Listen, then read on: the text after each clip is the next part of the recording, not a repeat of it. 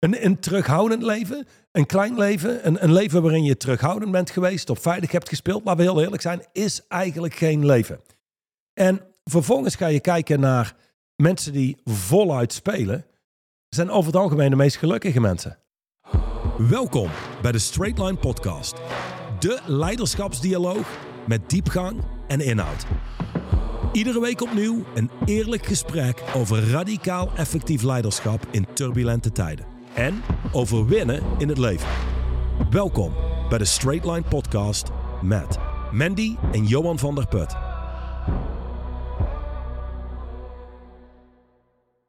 Mandy, welkom bij de podcast. Dit is hoofdstuk 43. Dat klopt. Spelen om te winnen versus spelen om niet te verliezen. Nu, nou doen we deze podcast al een hele tijd. Wij hebben 50 hoofdstukken in dit boek staan. Dat betekent na dit hoofdstuk nog 7 te gaan. Mhm. En dan pakken we door met de rest. Ja. Maar eerst dit hoofdstuk. Eerst dit hoofdstuk.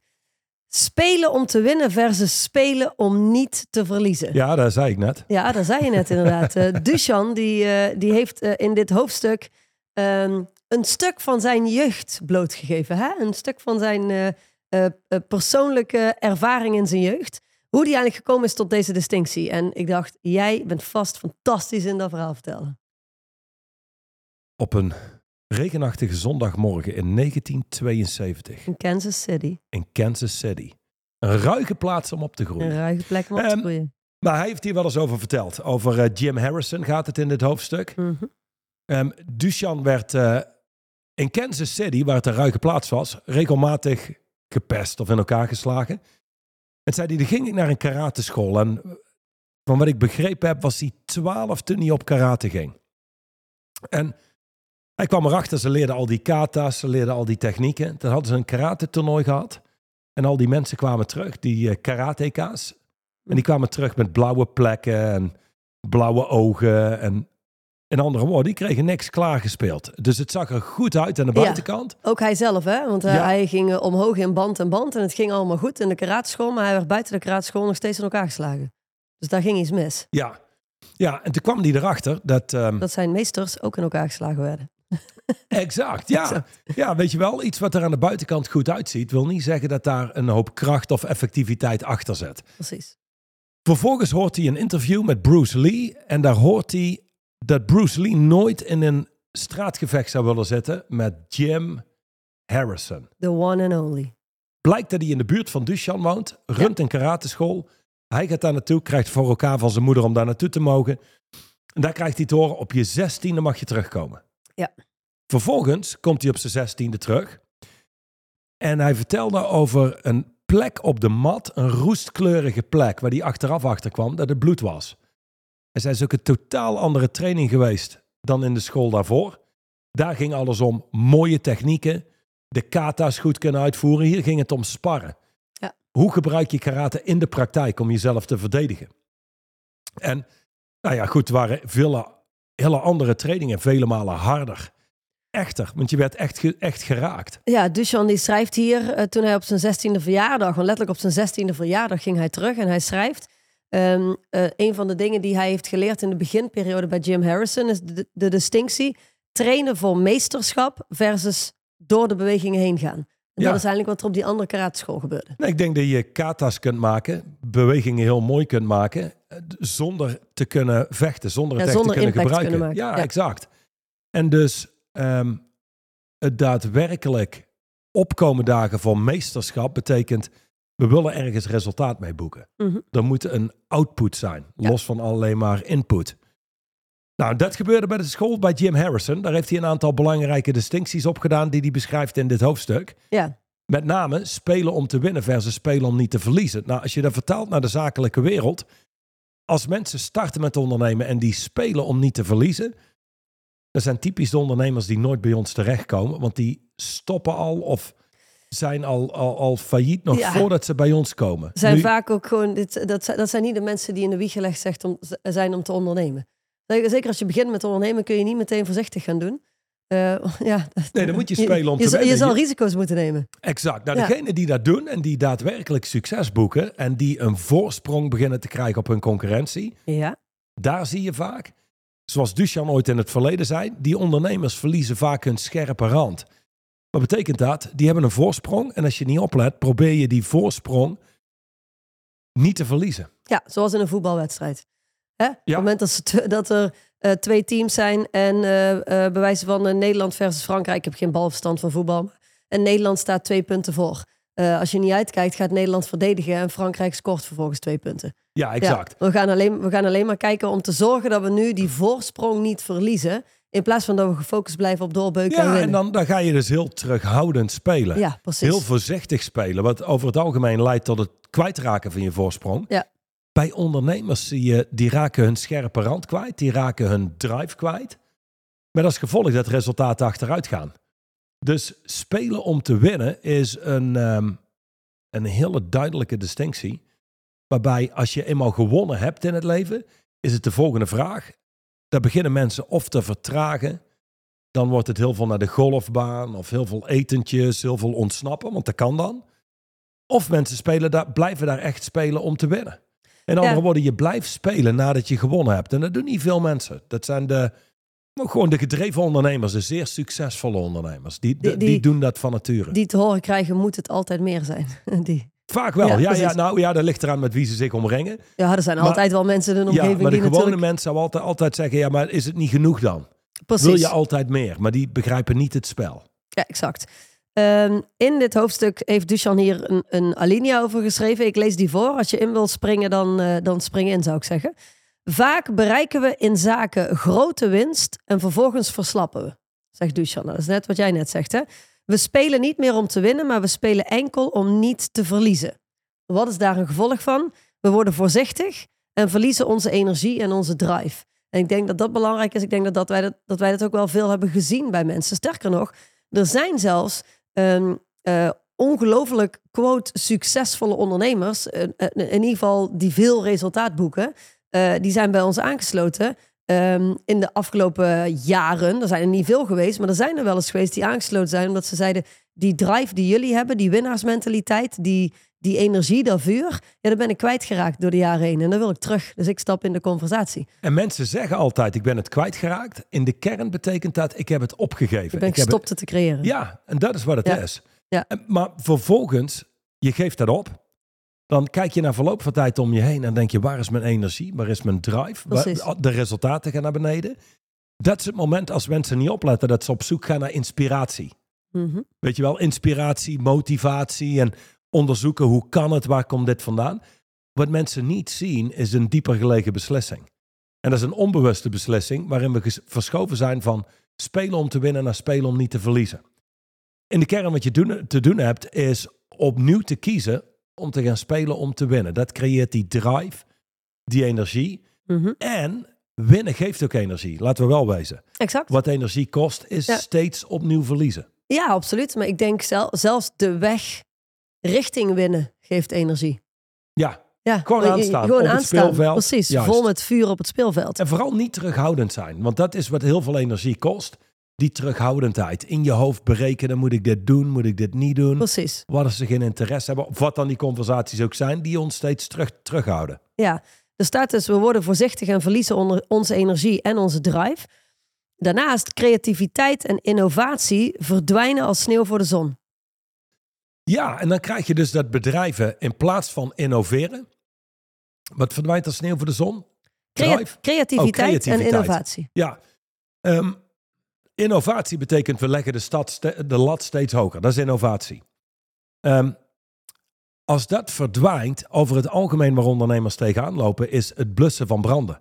Wat je in coaching noemt trying to restore past performance. Mhm. We proberen steeds weer gewoon op peil te blijven. Wat een heel vermoeiend spel is. Maar Ja, ze zijn eigenlijk alleen nog maar bezig met problemen intern oplossen.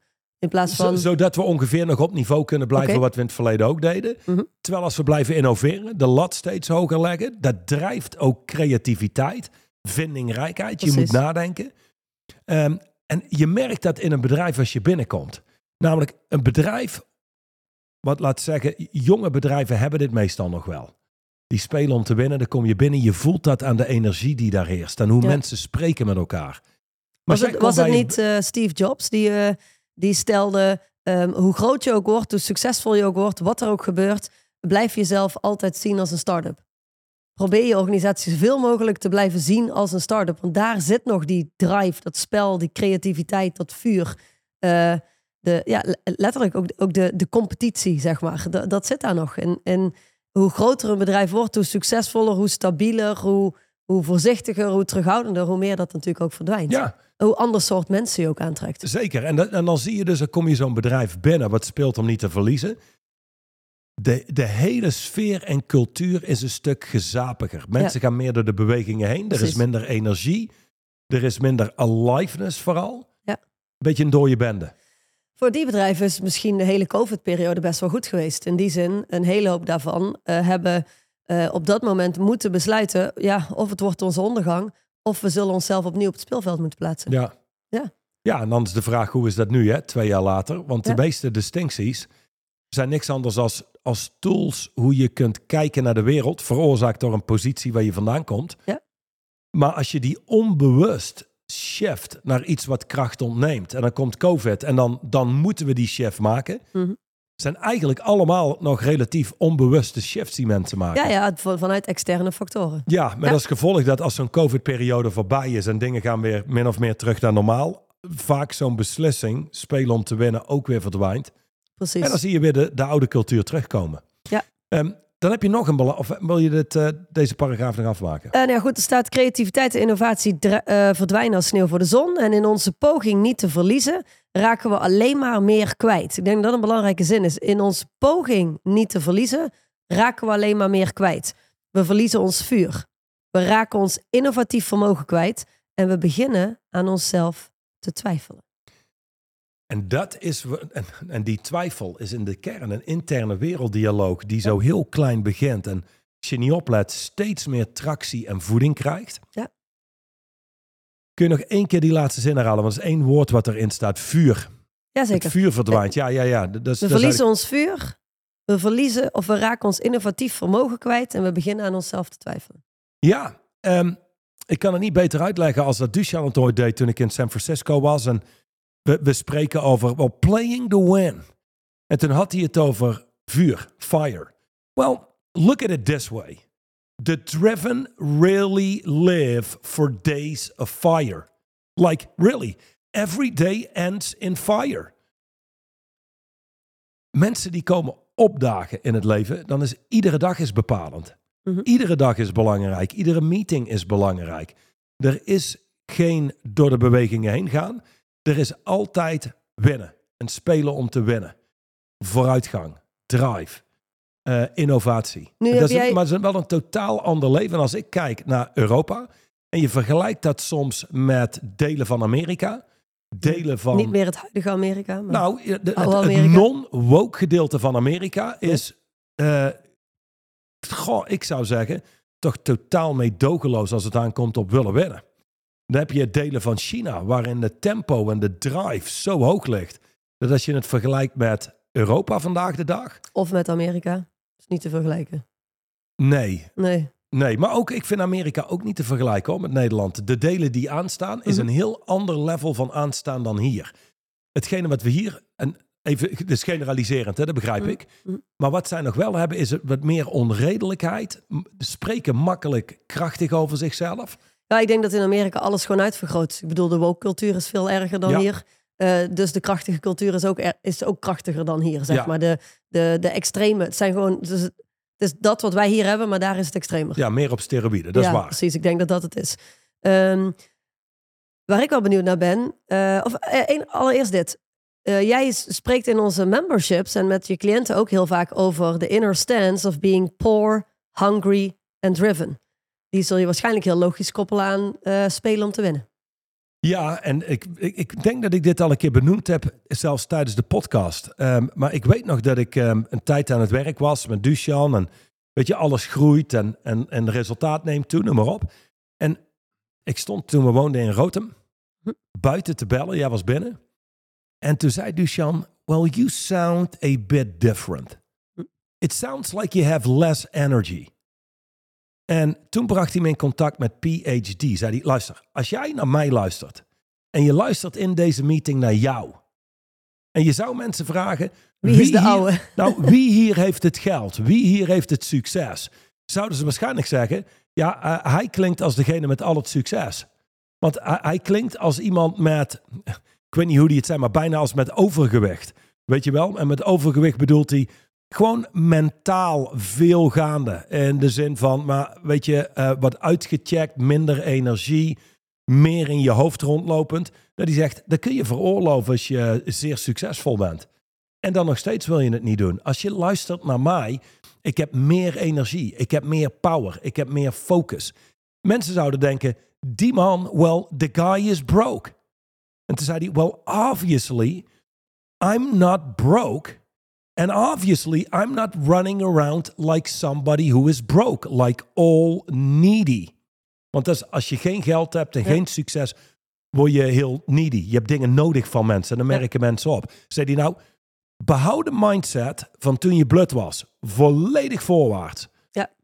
Ehm, een, een soort van take no prisoners approach. We moeten, we moeten door. Niet needy. Voorwaarts. Hongerig. Weet je, hoeveel succes je ook hebt. In de kern gaat het niet over hoeveel succes je hebt. Het gaat over wie je bent. Ja. En iemand die hongerig is, is altijd voorwaarts aan het gaan. Er is geen terughoudendheid.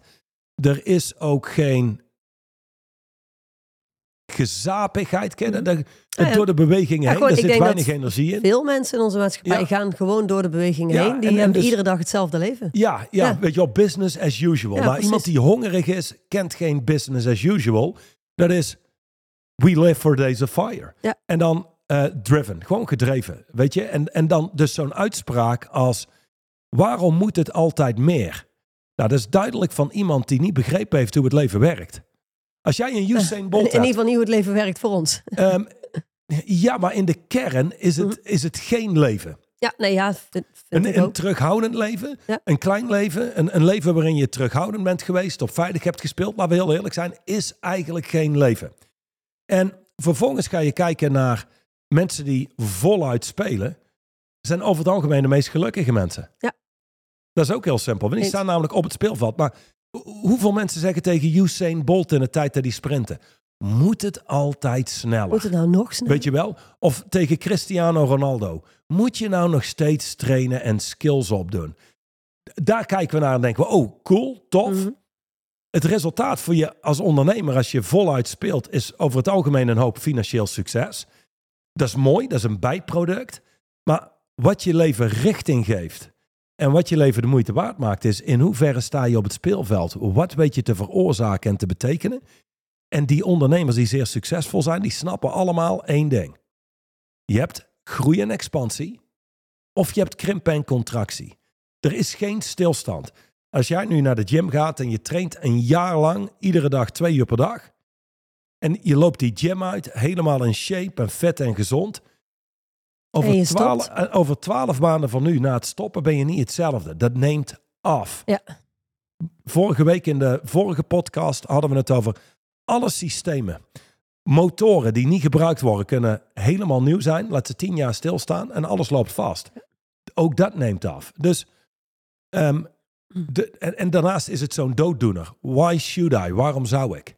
Ja. Daar haalt overal de kracht uit. Als jij een marathon aan het lopen bent en na kilometer 10 denk je, waarom zou ik? Dan stap je uit naar 20 kilometer. Dan ben je gewoon klaar. Ja. Haalt alle levensenergie weg, haalt alle drive weg. Het is gewoon Het is een beetje apathisch, hè? Het is een behoorlijk apathische eh, staat van leven. Ja. Ja. ja. Oké. Ehm, nu zijn er in onze eh, memberships en in de afgelopen jaren best wel wat mensen geweest waarmee wij, waarmee wij in contact komen. En die, denk ik, als ze deze distinctie voor de eerste keer horen, zichzelf ervaren als: ja, maar nee, ik speel om te winnen. Nee, ik sta op het speelveld om te winnen. En dan zaten ze langer in de conversatie, in, in eh, weet ik veel, eh, het vierde kwartaal of zesde kwartaal. En dan komen ze tot de realisatie: goh, ik heb eigenlijk de afgelopen jaren niks anders gedaan dan eh, spelen om niet te verliezen. En dat zie ik nu pas. Dus er zullen vast luisteraars zijn of kijkers op YouTube die denken: ja, oké, ja, leuk, distinctie goed. Ja, ik ben gedreven, ik leef voor Days of Fire. Die ergens eigenlijk spelen om niet te verliezen, maar dat totaal niet kunnen zien of niet in de gaten hebben. Heb jij eh, enigszins richting of indicatie? Hoe zou je het kunnen ontdekken bij jezelf? De reden waarom mensen dit heel snel ontdekken in ons lidmaatschap is Hm. omdat je je in één keer omringt met een totaal ander soort mens. Ja, precies. Die komen opdagen voor hun leven. Zie het zo. Wij hebben het, het boek van Inner Stand staat één bulletin in over fighting for your life. Mhm. Nou, ik had laatst een ondernemer aan de lijn. Zijn zoon zit ook in het bedrijf. En ehm, het ging in de kern over een gebrek aan resultaat. Nu kwam de vakantieperiode eraan. Hij ging op vakantie, zoon ging op vakantie, noem maar op.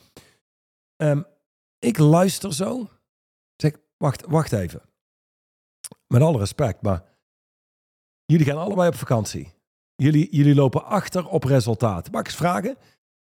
Als, als jouw zoon zich ingekocht had en een paar miljoen euro had moeten betalen, en het was op dit moment hij, het resultaat moet terugkomen uit het bedrijf, er is geen vangnet, Was hij dan ook op vakantie gegaan? was hij dan op vakantie gegaan? En de conclusie is, nee, ja dan niet. Nee. Al het andere, minder dan komen opdagen, vechten voor je leven. Het gaat ook om je leven. Ja. Die tijd die we hier hebben met elkaar, geboren in 1983, stervend in 2093, Oh.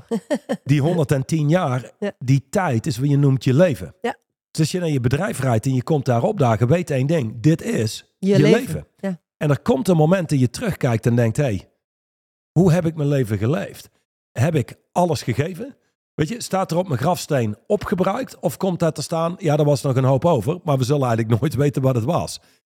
De mensen waar wij ons mee omringen, eh, het, het aller, aller, aller, allergrootste deel, ja, die staan aan. Weet je wel, gedreven, engaged, voorwaarts. Er komt te staan straks opgebruikt. Ja, Of misschien bij sommigen zo goed als opgebruikt. Ja, nou, Maar wacht even, om Ja. antwoord te geven op die vraag. Eh, ja, omring je met dat soort mensen, dan, dan krijg je ook een eerlijk beeld over, maar wat ben ik nou aan het doen? Want als ik ga kijken naar de meeste mensen waarmee ze zich omringen, zijn mensen die over het algemeen comfortabel zijn om mee te Precies. omringen. En er zijn mensen zoals jij of kleiner dan jij. Ja. Bijna niemand omringt zich met name met mensen die groter, krachtiger, sneller en bewuster zijn dan zijzelf. Ja. Waarom? People are not attracted to equals. Dus, laat ik zo zeggen, zo iemand die groter is, is heel aantrekkelijk. Maar over het algemeen zul je merken dat je daar weinig relaties mee hebt. Als je je dan toch gaat vergelijken en je wil ergens een baseline van waar bevind ik me ergens op de lijn, zou ik me liever willen vergelijken met dat soort mensen, de, de, de tweede, ik denk dat dat een goede is dan wat jij daar zegt. meer dezelfde mensen Ja. zoals ik. Nou, ik denk namelijk dat ehm, in de tijd waarin we leven en in de maatschappij waar we momenteel leven, je heel makkelijk voor jezelf het idee kunt hebben dat je aan het spelen bent om te winnen. Omdat je al heel snel meer doet dan je omgeving. Omdat je al heel snel gedrevener bent dan de buurman en de buurvrouw. Ehm, eh, eh, en, en je partner en, en je, weet ik veel, je vriendenclub bij, bij wijze van, hè, die je al jarenlang hebt. Eh, het- is, het is heel makkelijk om gedrevener te zijn dan de omgeving. Want de meeste mensen staan gewoon uit op dit moment. De meeste mensen zijn Staan uit onder invloed van. Ja, hebben opgegeven, zijn onder invloed van een of andere conversatie die, die, die, die op landelijk niveau, hè, op wereldniveau zelfs op dit moment eh, ehm, draait. En die conversatie is nou eenmaal eh, dat ehm, de kapitalistische maatschappij, weet je, dat die tijd voorbij is, dat dat moet stoppen, dat we niet meer allemaal zo moeten rushen, dat we niet zo gedreven De moeten zijn. Dat we, de red, ja, precies. En eh, wat ik interessant vind aan de mensheid, en dit is wat mensen volgens mij altijd doen, je ziet dat ook in een land, hè? Eh, als de politiek een heel aantal jaren rechts is geweest, dan klappen we allemaal weer naar links omdat rechts te veel problemen heeft gecreëerd. En is de politiek dan te veel jaren links geweest, dan klappen we allemaal weer naar rechts, want er zijn weer te veel problemen gecreëerd door links.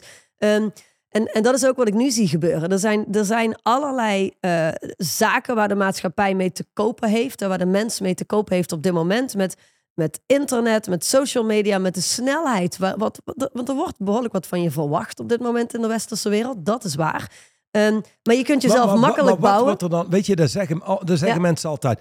En er wordt zoveel verwacht op school. En er wordt zoveel verwacht op het werk. Maar dan denk ik, maar wat dan? Wat, wat wordt er dan nou, verwacht? eh, laat ik zo zeggen. Misschien is verwacht niet het goede woord. nee, maar, dat- maar, dat er is is wel wat mensen steeds gebeuren. Ik hoor Ja. dat heel vaak terug. Ja, klopt. Eh, daar wilde ik eigenlijk een verdieping aan geven. Misschien moet ik niet het woord verwacht geven, maar het woord. ehm, er, er gebeurt gewoon ontzettend veel in het Mhm. leven van mensen. Er is non-stop input. Maar al die mensen die zijn ook niet bereid om verantwoordelijkheid te nemen en gewoon die fucking telefoon eens een keer aan de kant te leggen. In plaats van non-stop al die input ook tot zich te nemen. Dus mensen zijn zichzelf eigenlijk aan het, aan het, ehm, eh, ja, aan het gek maken, om maar zo te zeggen. Ze zijn zichzelf vol aan het stoppen met spullen.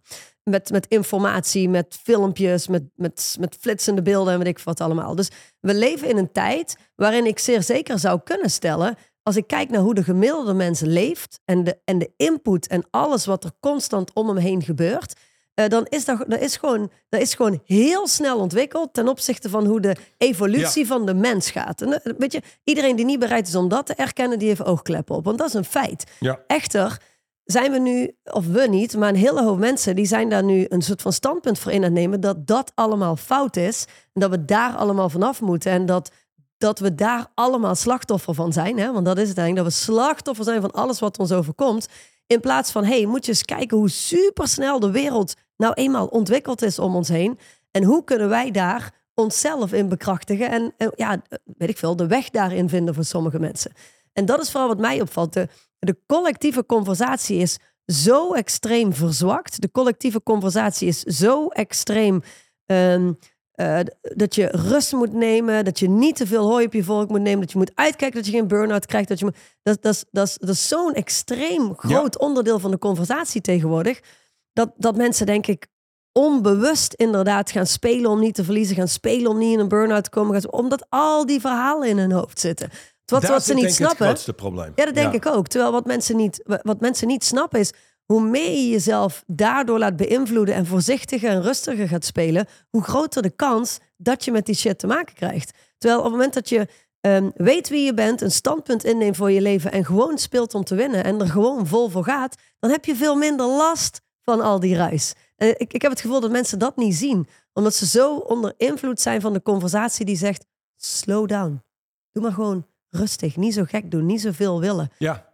Nou ja, en het is de conversaties waar je in leeft, exact. die uiteindelijk de kwaliteit van je leven bepalen. Maar, maar dan niet alleen, het bepaalt ook wie je bent. Ja. Dus jij zegt net iets goeds. Um, er zijn al die conversaties daarbuiten, maar er zijn conversaties over de red race. Er zijn conversaties Precies. die leiden tot burn-outs. En Ja. de druk is te hoog in de maatschappij. En noem maar op allemaal. Dat is, dat is niet wat ik ervaar persoonlijk. Eens, ik Maar niet. komt ook, ik leef in hele andere conversaties en andere kringen. Ehm, er is een onderzoek geweest in, in Harvard naar stress Mhm. en context. Nu, wij zeggen in coaching, context is bepalend. In andere woorden, is het oké om iemand neer te steken, gebruiken we wel eens. En mensen roepen van nature vaak, nee, nee, ja, dat is nee, tuurlijk niet. Maar ik kan je garanderen, als ik binnen zou komen en ik zie de deur op een kiertje staan en er is een of andere inbreker die rondjes rent rondom de keukentafel achter jou en Lotus aan en die probeert jullie om te leggen. En ik heb een mes voorhanden. Absoluut dat ik het zou gebruiken. Ik laat niet jullie twee. Het zou zeer gepast zijn om het niet te gebruiken. Eh, ongepast zijn om het niet te Ja, dat gebruiken. zou echt Exact. ongepast zijn, weet je wel. De, de vrienden die ik heb zouden echt kijken en denken... Wat de En- fuck is er mis met jou? Wat de fuck is er mis met jou? Je Ja. gezin is uitgemoord en je had de kans om er iets aan te doen. Wat is er mis met je? Ja. Nou, dus in, in, zo'n, in die context kan het prima gepast zijn om iemand neer te steken. Mhm. Nu, als ik over straat loop met een mes en iemand zegt iets over mijn schoenen en ik steek iemand neer, ja, dan ga je de, ga je de bak in. En, Ja. en terecht. Dus context is bepalend. Nu, een hele hoop van onze cliënten ehm, kwamen al binnen of creëren deze context. En dat is, ik heb geen last van stress. Nee. Stress helpt me. Het houdt me scherp. Het houdt me gefocust. Weet je wel? Als jij, wanneer gebeuren ongelukken in de bouw of eh, waar dan ook? Als mensen niet meer scherp zijn, Precies. niet gefocust zijn. eh, atleten die een grote belangrijke wedstrijd hebben, die daar briljante prestaties neerzetten, heeft voor een deel te maken met een bepaalde stress, Ja. druk die ze ervaren, die ze scherp houdt. Nou, als jij stress pakt in de context, maar dat is goed voor me, het Mhm. helpt me, Mhm. guess what? Blijkt uit onderzoek Het dat die mensen geen last hebben van stress. Het heeft geen eh, negatieve, Negatieve gevolgen voor je lichaam. Ja. Ehm, dus geen klachten, eh, niks. Het helpt die mensen. Dan hebben ze onderzoek gedaan bij een deel die houdt stress in de context. Dat is slecht voor je. Exact. Je moet daar vanaf. Je moet een stressvrij leven. En wat blijkt? Stress is daadwerkelijk slecht voor ze. Ja. Het heeft allemaal negatieve effecten op hun gezondheid. Dus de context waarin je dingen pakt is bepalend. Nu, als jij kijkt naar de conversaties in Nederland, stress is slecht. Mm. Je moet eigenlijk geen stress willen. De- Zoveel hebt- procent van de bevolking zit in een burn-out. En zoveel mensen kunnen het leven en niet er meer is aan. een red race gaande. Het moet altijd met meer. En het moet altijd... Ja. Nee, nee, nee, nee, nee. De context is niet het moet altijd meer. Maar luister, als jij een land hebt en je wil innoveren en je wil verschillenmakers en je wil groeien in kwaliteit van leven, dan heb je mensen nodig die aanstaan, die innoveren, die komen opdagen. People who are willing to fight for their lives. Hm. In plaats daarvan hebben we een steeds groter groeiende groep die het tegenovergestelde doet. En, en dat komt neer op, eh, we hebben een heel aantal supermarkteigenaren in onze lidmaatschappen. Ja. Waarin de jaren 80, 90, begin 2000 kinderen kwamen in een studententijd om te komen werken. Vijf dagen per week, zes dagen per week komen ze nu voor twee ochtendjes. Hm. Want ja, hey, ik, eh, ik, ik werk niet om te leven. En ik, ik, of, eh, sterker nog, ik leef niet om te werken. eh, maar ik werk zodat ik vervolgens kan leven. Wat is dat nou weer voor instelling? Is gewoon, je, je zou kunnen zeggen, ehm, ik denk als Duchan over twintig jaar kijkt en dit zet zich zo door, zou hij zeggen, well, what's wrong with those people? Ja. They're ze zijn heel fragiel. Ja, maar het kan zich natuurlijk niet doorzetten. hè. Dat is het mooie eraan. Nee, uiteindelijk komt er een punt waarop het zich niet meer door kan zetten. En mensen zich opnieuw zullen moeten uitvinden. Want het creëert eh, chaos. Ja, en dan, en dan is. dat hele ding met, weet je, we hebben een soort, ja, de kapitalistische tijd hebben we gehad. Maar guess what? Alle, an- alle andere opties zul je nog steeds moeten leven van geld van mensen die productief zijn. Ja, of, of kijk, weet je, eh, die mensen die doen dan ook een soort van idealiseren. Hè? Dus voor de kapa- kapita- zo, kapitalistische tijd, ik moet eventjes eh, mezelf verzamelen. Ehm, heb je, oké, goed, eh, dan, dan waren we boeren en dan gingen we kippen ruilen voor, eh, weet ik veel, het koeienvlees van de buurman en zoiets. Daar moest ook knijterhard gewerkt worden. Hè? Er waren 100%. jonge kinderen die waren al op het land mee aan het ploegen en dergelijke. Dus laten we ook niet ehm, andere tijden idealiseren. Want dat is natuurlijk wat we doen. Hè? We romantiseren het in ons hoofd. Ehm, maar ik denk dat het belangrijk is voor mensen om, of, of, om het te benoemen, in ieder geval in de podcast, wat we nu goed genoeg gedaan hebben. Dat je hebt zoiets als spelen om te winnen, je hebt zoiets als spelen om niet te verliezen. En we leven in een tijd waarin mensen al snel het idee hebben dat ze spelen om te winnen. eh, omdat je jezelf vergelijkt met ja, de standaard in de maatschappij. Eh, terwijl, ja, maar wat als je jezelf eens vergelijkt, zoals jij daarnet zei eh, eerder in deze podcast, if you reach up. Weet je, als je jezelf eens vergelijkt met wat, wat, wat daarboven gebeurt. Mensen die al verder staan dan jij. Mensen die bepaalde stappen al gemaakt hebben. Ja, en wat Ben zie je dan- dan, bij jezelf? hè? Exact. Ben je dan nog steeds aan het spelen om te winnen? Eh, ik denk dat dat een interessante vraag is. Nou, laten we afsluiten met het laatste stuk. Nou, wat, Ehm, ik wou nog één toevoeging geven hierop. Als je dan kijkt, wat is nou de grootste vijand van spelen om te winnen? Is comfort en tevredenheid. Ja, dat klinkt, 100%. het klinkt allemaal zo goed. Tevreden zijn. Ja. Ben tevreden met weinig. Ben tevreden met dit. Laat ik zo zeggen, ik ben niet ontevreden. Mhm. Maar de meest tevreden mensen die ik ken, staan uit. Ja. Die, weet je, er, zit weinig, er zit weinig de, leven de in. status quo, weet je wel. Het is oké zoals het is. Ja. Maar waar ik respect voor heb, zijn mensen die in de kern heel tevreden zijn, maar besluiten de toekomst die er nog niet is. Is dus belangrijker. dat is niet de status quo, dat is Ja. innovatie. Die maak ik vele malen belangrijker dan hoe mijn wereld nu is. En weet je waarom? Omdat het werkt. Dat leidt Precies. tot drive. Ja. In plaats van, ehm, laten we heel eerlijk zijn, mensen die heel tevreden rondlopen en dan ook naar iedereen beschermen. Je, maar je, moet, niet ontevreden zijn. En luister niet naar die podcast van die Johan en die Mandy, die zeggen: Oké, oké, fijn. Tevreden zijn, maar wel aanstaan.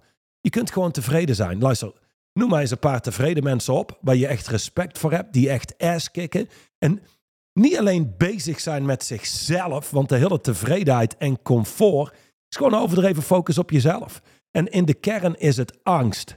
De angst om oncomfortabel te zijn. De angst om erop uit te moeten en dingen te doen die misschien minder comfortabel zijn. Niet zo prettig voelen. Maar er zijn wel de mensen die je nodig hebt om een maatschappij draaiende te houden, om te innoveren. En dat is waar we een beetje kwijt aan het raken zijn. Dat we, dat we zicht hebben op wat is nou daadwerkelijk Ja. de bron van succes en resultaat. Ja, precies. Ik denk wel dat het dat, eh, daarbij of, of, of prima is om te benoemen dat je in de wereld, al zolang als er mensheid er is, heb je chiefs en je hebt Indians.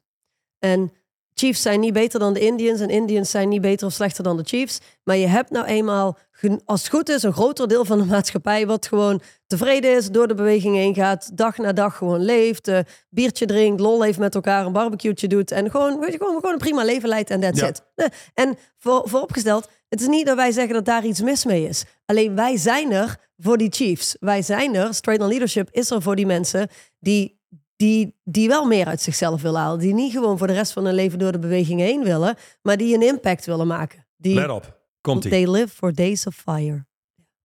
Dat betekent, de Chiefs die nu luisteren, Mhm. abonneer, like, plaats een comment, zie ik beginnen te leren. Oh my god, wat En- goed. En, en voor hun zijn we er. En ehm, Ja. alle Indians die mee willen luisteren zijn meer dan welkom. Precies. Dit, dit is zo'n distinctie, die eh, jij, jij gebruikt hem net, die gebruikte ik vroeger. Vaak. Ja, maar ik vind die wel belangrijk. Anders lijkt het alsof we alle andere eh, vormen van leven, zeg maar alle andere manieren waarop je in het leven staat, alsof wij die bestempelen als fout. Eh, zo kan het klinken.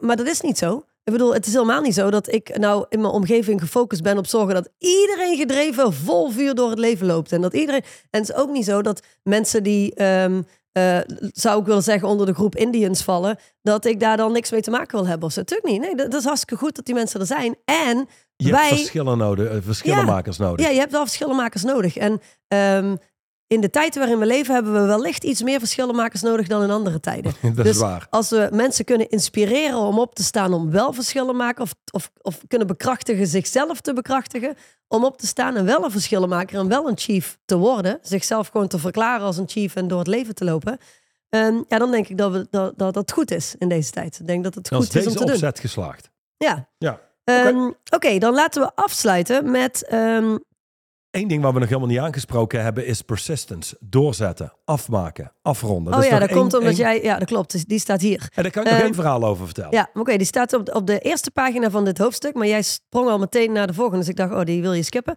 Ehm, wat ik van Harrison leerde, ging veel verder dan de ring en de fysieke gevechten, schreef Duchan. Dus we zijn weer eventjes terug aan het begin van de podcast. Waarin eh Duchan onder karateka ehm, Harrison ehm, zichzelf ontwikkelt als een krachtiger mens. Want dat is het uiteindelijk. Hij zegt, ik heb geen...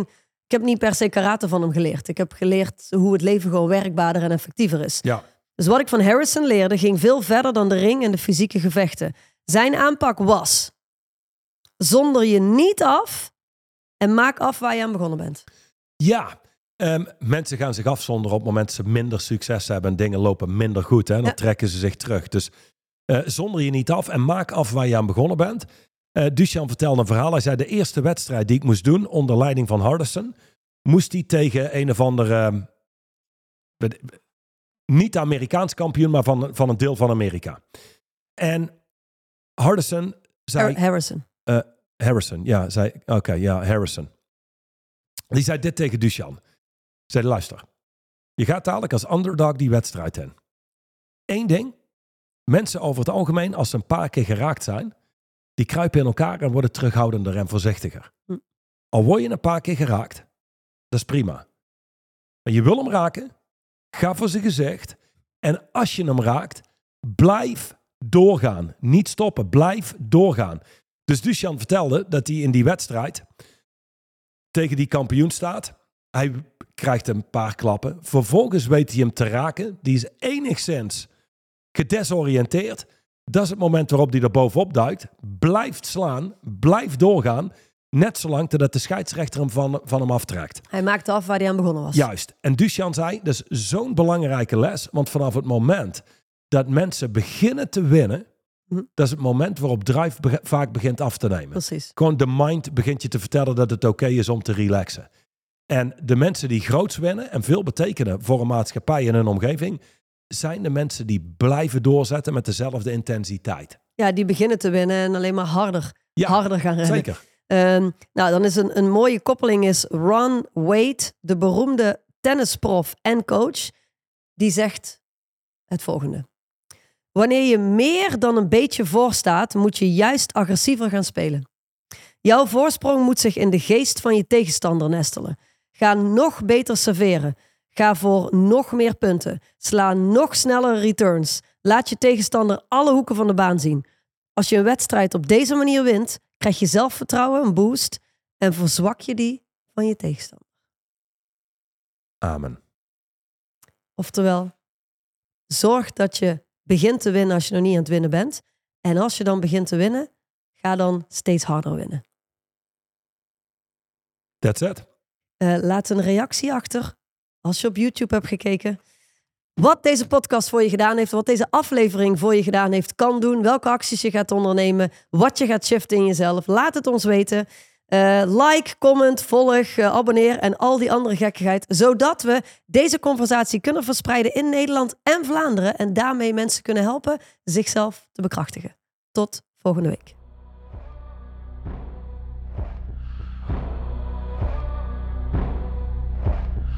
De overige podcast beluisteren of deze nog eens terugluisteren? Ga naar het YouTube of Spotify account van Straightline Leadership.